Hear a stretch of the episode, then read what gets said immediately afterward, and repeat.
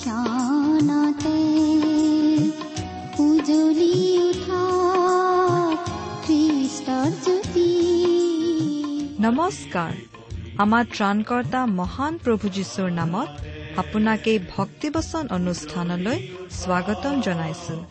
এয়া মুকলি কৰিছো ঈশ্বৰৰ জীৱিত বাক্যৰ ধাৰাবাহিক অনুষ্ঠান ভক্তিবচন। মুখৰিত কৰি গাওঁ সবে মিলি প্ৰশংসা গীতি আজিৰে পবিত্ৰ ক্ষণতে উজলি উঠা আপোনাৰ জীৱনত যদি শান্তি পাব বিচাৰে তেন্তে এয়া ঈশ্বৰৰ বাক্যৰ সান্তনা বাক্য ভক্তি বচন।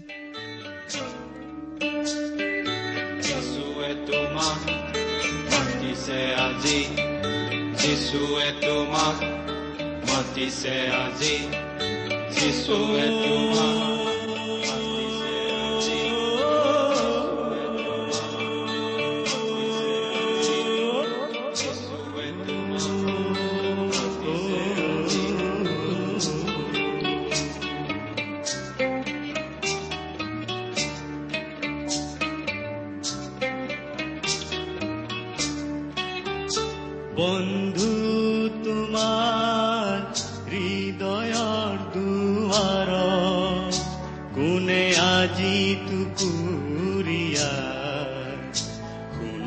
এবাৰ নীৰৱে কাণ পাতি কোনে টুকুৰীয়া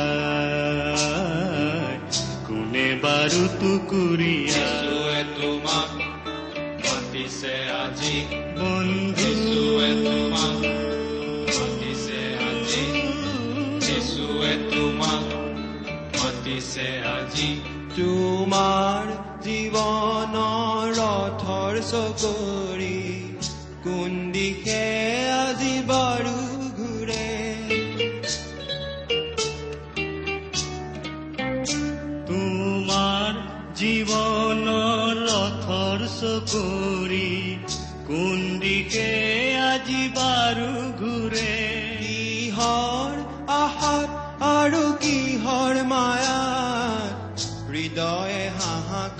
হাহাকাৰ কৰে কিহৰ আশাত আৰু কিহৰ মায়াত হৃদয়ে হাহাকাৰ কৰে বন্ধু তোমাৰ হৃদয়ৰ দুৱাৰ কোনে আজি টুকুৰীয়া শুনা এবাৰ নীৰৱে কাণ পাতি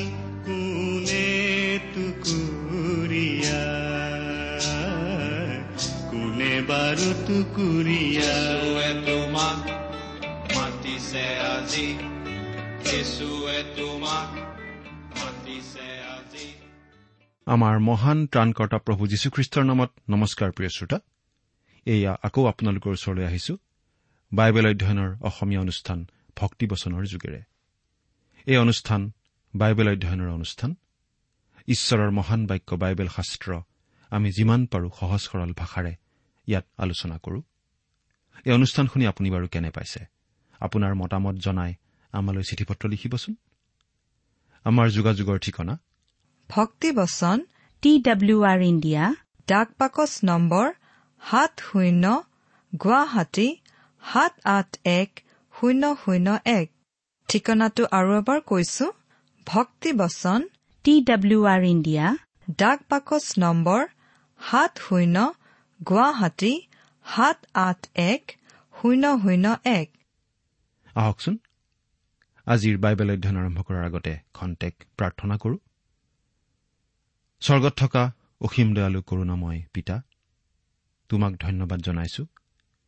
কিয়নো তুমি আমাক প্ৰেম কৰোতা আমাৰ কথা চিন্তা কৰোতা ঈশ্বৰ। তুমি আমাক ইমানেই প্ৰেম কৰিলা যে আমাক উদ্ধাৰ কৰিবলৈ তোমাৰ একেজাত পুত্ৰ যীশুখ্ৰীষ্টকে এই জগতলৈ পঠালা। আজি তেওঁত বিশ্বাস কৰি আমি পৰিত্ৰাণ পাব পৰা হৈছো। তোমাক পিতৃ বুলি মাতিব পৰা হৈছো। এতিয়া তোমাৰ মহান বাক্য বাইবেল শাস্ত্ৰ অধ্যয়ন কৰিবলৈ ওলাইছো। তোমাৰ বাক্যৰ যোগেৰে তুমি আমাক বিশেষভাৱে কথা কোৱা। আমাৰ প্ৰয়োজন অনুসাৰে তুমি আমাক কথা কোৱা। কিয়নো এই প্ৰাৰ্থনা আমাৰ মহান ত্ৰাণকৰ্তা মৃত্যুঞ্জয় প্ৰভু যীশুখ্ৰীষ্টৰ নামত আগবঢ়াইছো। আমেন।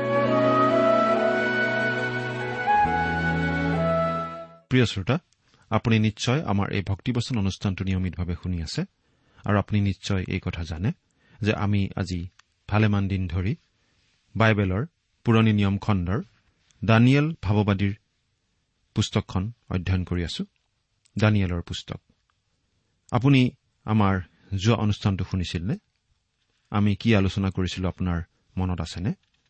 যোৱা অনুষ্ঠানত আমি এই দানিয়েল পুস্তকৰ পাঁচ নম্বৰ অধ্যায়ৰ ঊনৈশ নম্বৰ পদলৈকে পঢ়ি আমাৰ আলোচনা আগবঢ়াইছিলো নহয়নে বাৰু?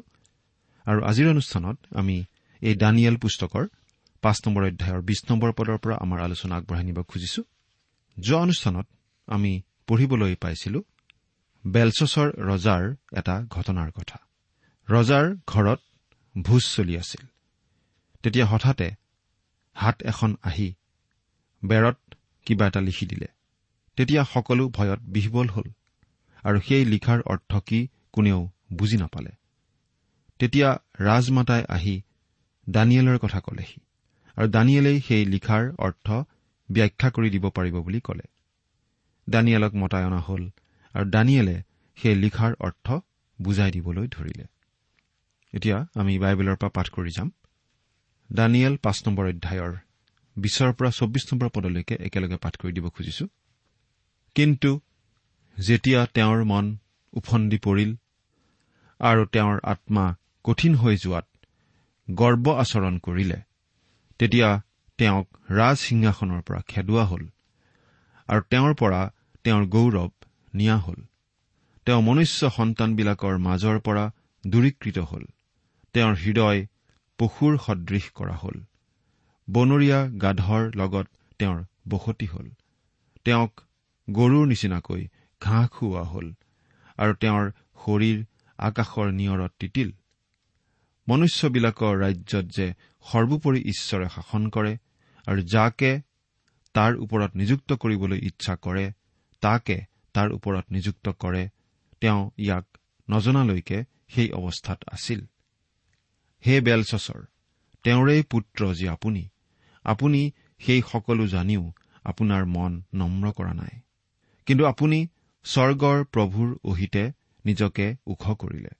আৰু তেওঁৰ গৃহৰ নানা পাত্ৰ আপোনাৰ আগলৈ অনা হলত আপুনি আৰু আপোনাৰ প্ৰধান লোকবিলাকে আপোনাৰ পত্নী আৰু উপপত্নীবিলাকে সেইবোৰত দ্ৰাক্ষাৰস পান কৰিলে। আৰু ৰূপ সোণ পিতল লোহা কাঠ আৰু শিলৰ যি দেৱতাবোৰে নেদেখে নুশুনে আৰু একোকে নাজানে আপুনি সেইবোৰৰ প্ৰশংসা কৰিলে। কিন্তু আপোনাৰ নিশ্বাস যিজনৰ হাতত আছে আৰু আপোনাৰ সকলো পথ যিজনাৰ অধীন আপুনি সেই ঈশ্বৰক সমাদৰ নকৰিলে। এই নিমিত্তে তেওঁৰ সন্মুখৰ পৰা এই হাতৰ আগ পঠোৱা আৰু এই কথা লিখা হ'ল। দানিয়েলে বেলচছৰ ৰজাৰ আগত অতি স্পষ্ট আৰু পোনপটীয়া বাৰ্তা এটা দিছে। ঈশ্বৰে সাম্ৰাজ্যখন নবুখত নেজৰ ৰজাক দিছিল আৰু তেওঁৰ সাৰ্বভৌমত্ব আছিল চূড়ান্ত। কোনো মানুহেই তেওঁক প্ৰশ্ন কৰিব নোৱাৰিছিল তেওঁক বাধা দিব নোৱাৰিছিল। তেওঁৰ ইচ্ছা আৰু খুচিয়েই দেশৰ আইনস্বৰূপ আছিল। কিন্তু যেতিয়া নবুখত নেজৰ ৰজাৰ অহংকাৰ হৈছিল তেতিয়া ঈশ্বৰে তেওঁক অতি দুখ লগা অৱস্থাৰ যোগেদি নম্ৰ কৰিছিল। দানিয়েলে বেলচছৰ ৰজাৰ আগত নবুখত নেজৰ ৰজাৰ সেই লাজ লগা অভিজ্ঞতাটোৰ কথা কওঁতে আমাৰ এনে লাগে যেন তেওঁ কটা ঘাট চেঙা তেলহে দিছে। হয়তো তেওঁ তেনেকুৱা কৰো বুলিয়েই কৰিছিল।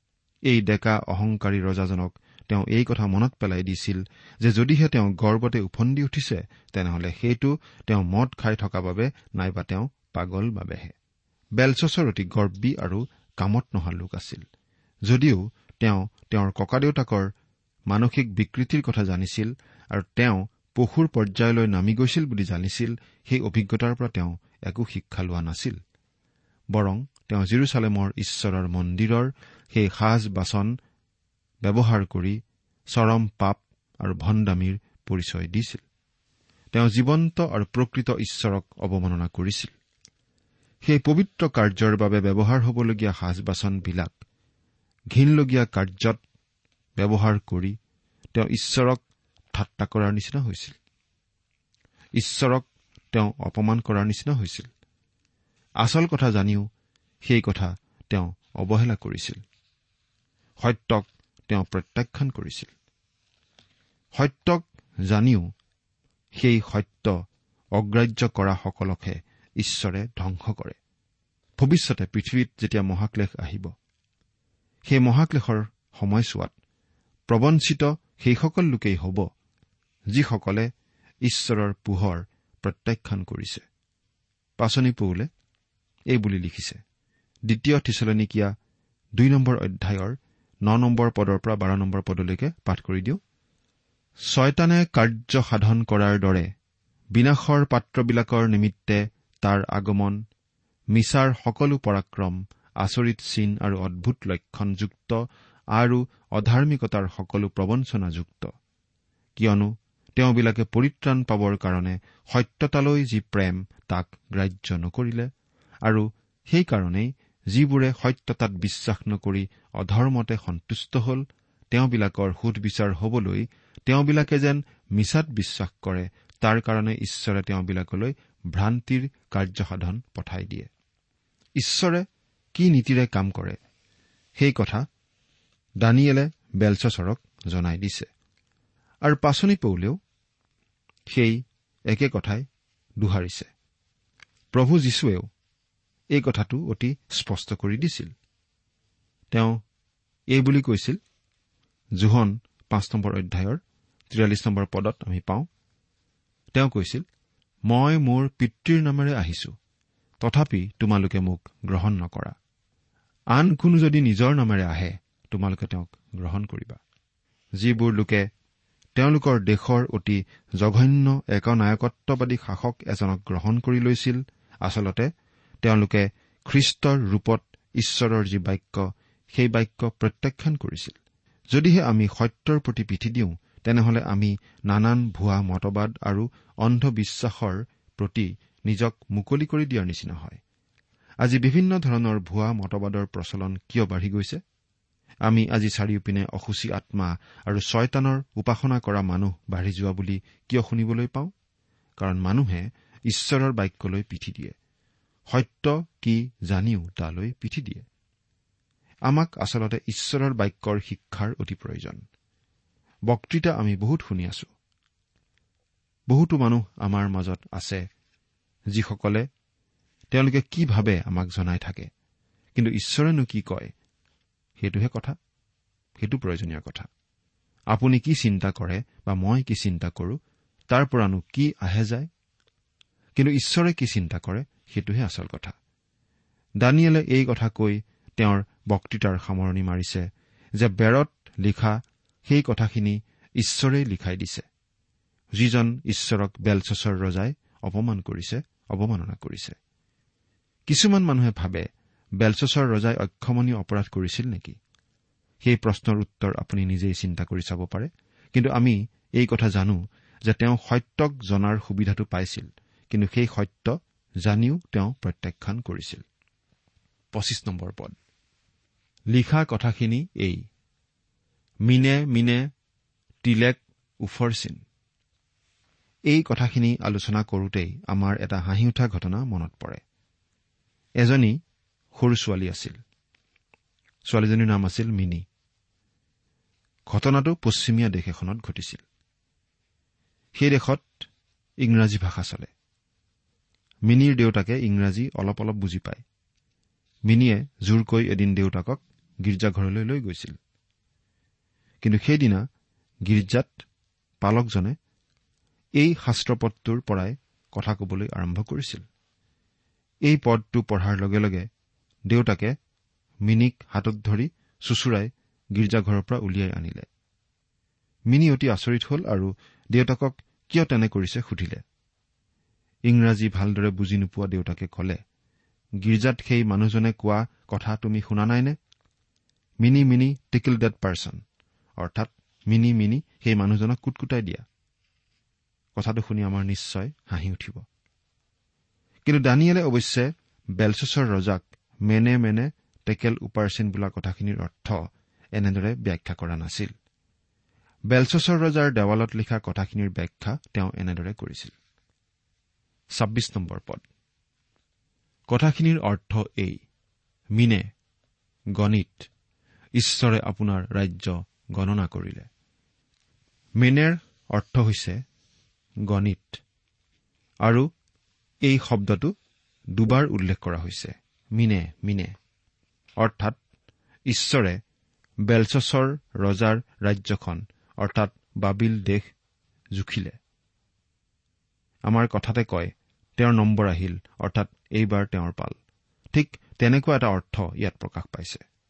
আকৌ গীতমালা নব্বৈ নম্বৰ গীতৰ বাৰ নম্বৰ পদত আমি এই বুলি পঢ়িবলৈ পাওঁ আমি জ্ঞানৰ অন্তঃকৰণ লাভ কৰিব পৰাকৈ আমাৰ আয়ুসৰ কাল গণনা কৰিবলৈ শিক্ষা দিয়া। কেৱল ঈশ্বৰেহে জানে আমাৰ দিন কেতিয়া শেষ হয় আমাৰ নম্বৰ কেতিয়া আহে। এজন ডেকা আছিল তেওঁ কেতিয়াও উৰাজাহাজত উঠি পোৱা নাছিল। আচলতে তেওঁ উৰাজাহাজত উঠিবলৈ ভয় কৰিছিল কাৰণ তেওঁ ভাবিছিল যে উৰাজাহাজখন তললৈ সৰি পৰিব পাৰে। তেওঁৰ বন্ধুজনে তেওঁক কলে তুমি কত আছা সেইটো ডাঙৰ কথা নহয়। যদি তোমাৰ নম্বৰ আহে আহিবই। উৰাজাহাজত থাকিলেও আহিব বেলেগ ঠাইত থাকিলেও আহিব। কিন্তু সেই ডেকাজনে উত্তৰ দিছিল মই মোৰ নম্বৰ অহাৰ কথাটো লৈ চিন্তা কৰা নাই। মোৰ খালি এটাই চিন্তা হৈ থাকে কিজানি সেই পাইলটজনৰ নম্বৰ আহে। তেনেহলে সেই পাইলটজনৰ উৰাজাহাজত মই নুঠো।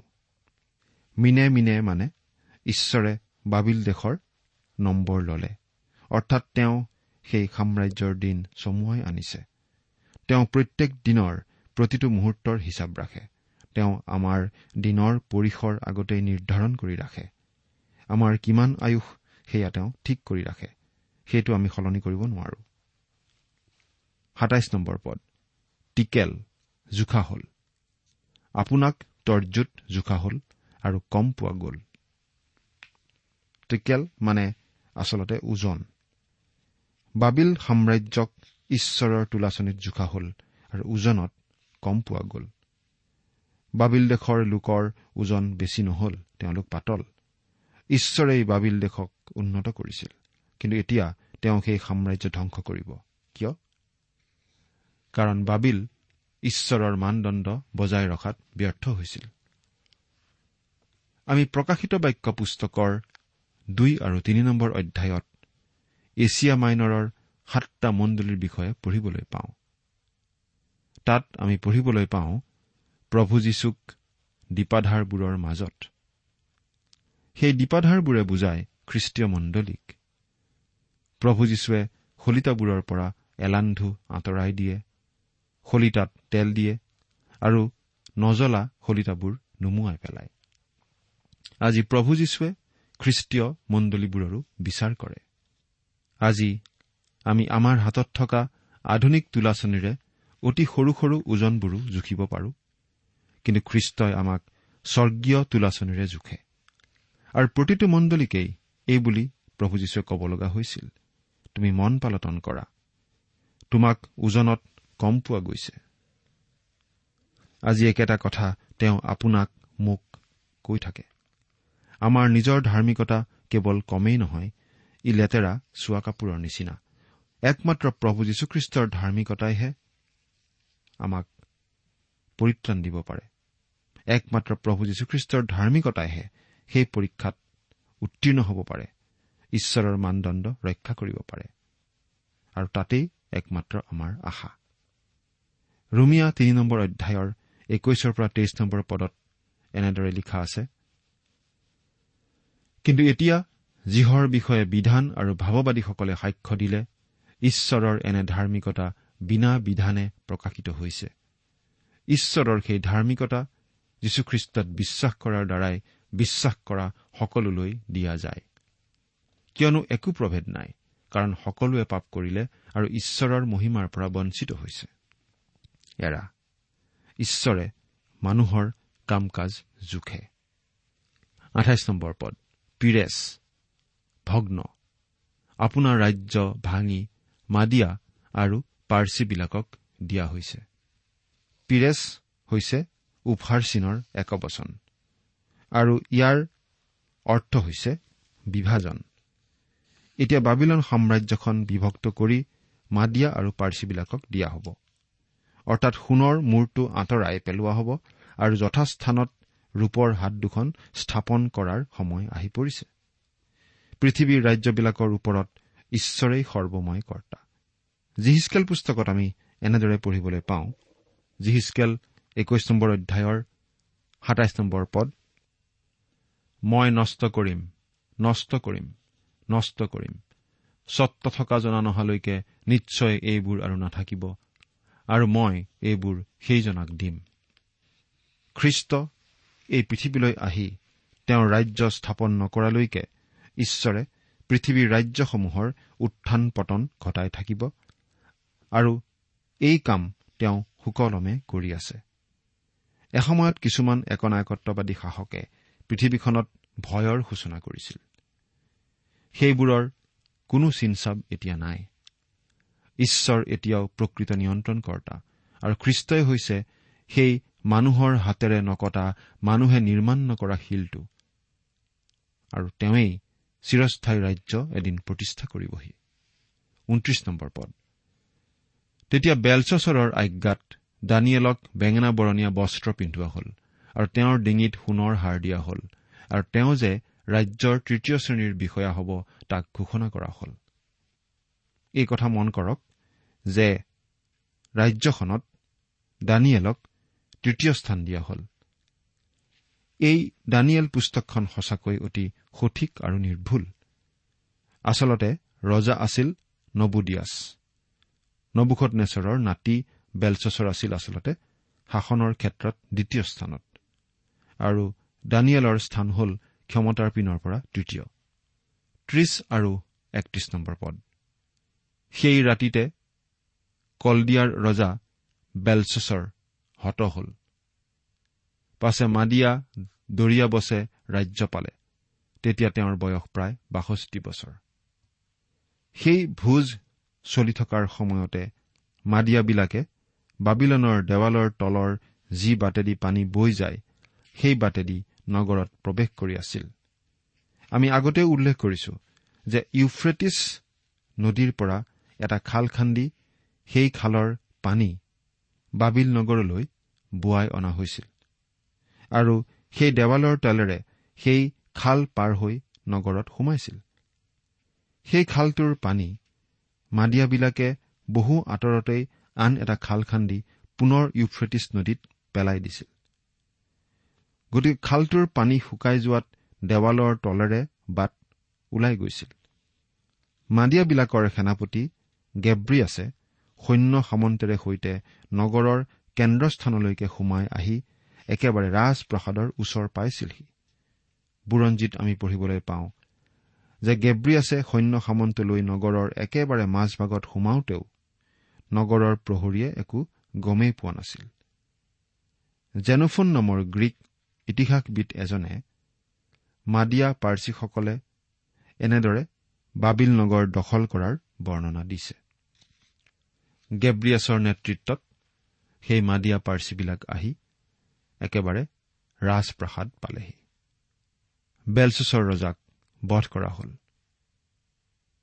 তেওঁক জোখা হ'ল আৰু ওজন কম পোৱা গ'ল। সেইবাবেই ঈশ্বৰৰ পৰা তেওঁলৈ সেই শাস্তি আহিল। ঈশ্বৰে তাকেই কৰে। ঈশ্বৰে নিজৰ তোলাচনীৰে নিজৰ মানদণ্ডেৰেহে জোখে। তাৰ পাছত যি সাম্ৰাজ্য স্থাপন হ'ল তাৰ ৰজা হ'ল দৰিয়াবছ। আৰু এই দৰিয়াবছ হৈছে পাৰ্চী ৰজা। তেওঁ অতৰ্কিতে এনেদৰে বাবিল ধ্বংস কৰি নিজে ৰজা হৈছিল। বাবিল সাম্ৰাজ্যৰ এনেদৰেই পতন ঘটিল।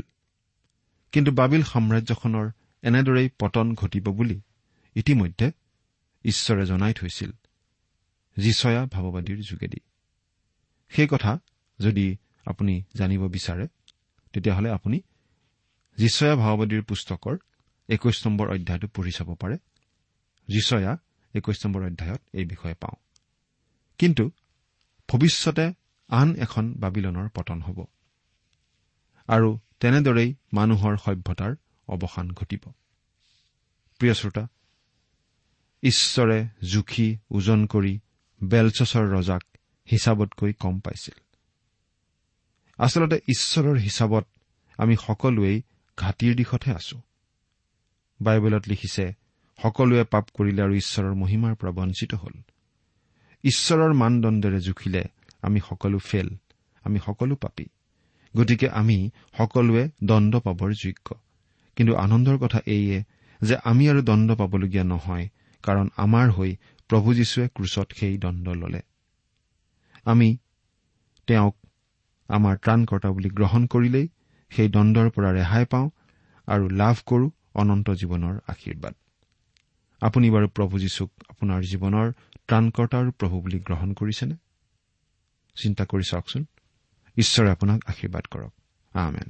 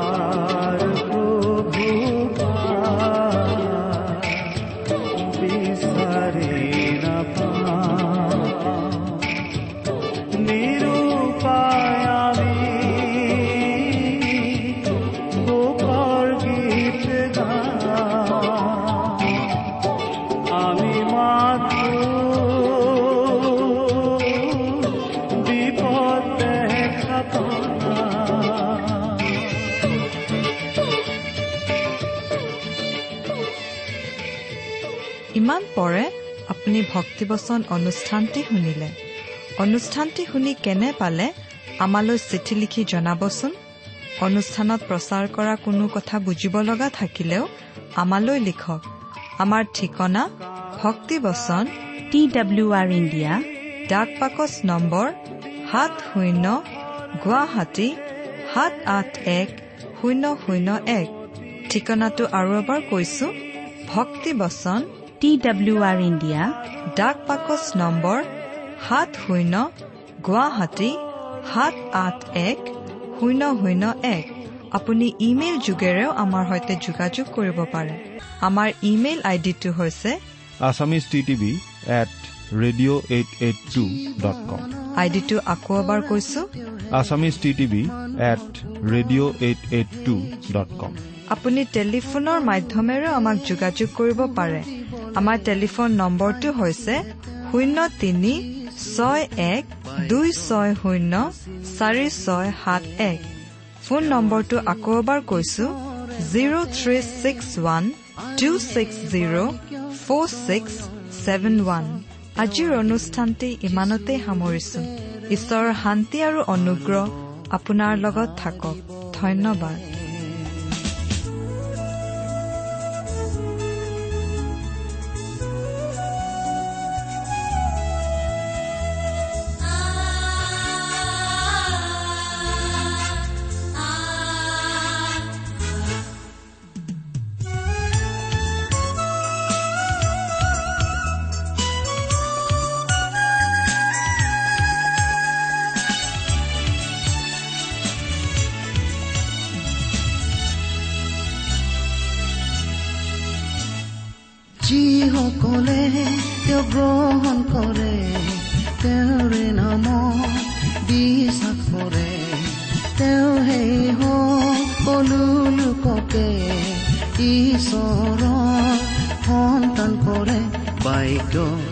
আছিল নদীতে তেওঁ আছিল ঈশ্বৰে হতে। আৰু সেই বাক্যই স্বয়ং ঈশ্বৰ তেওঁ আহিল যিচু ৰূপেৰে। মানুহ উধাৰিব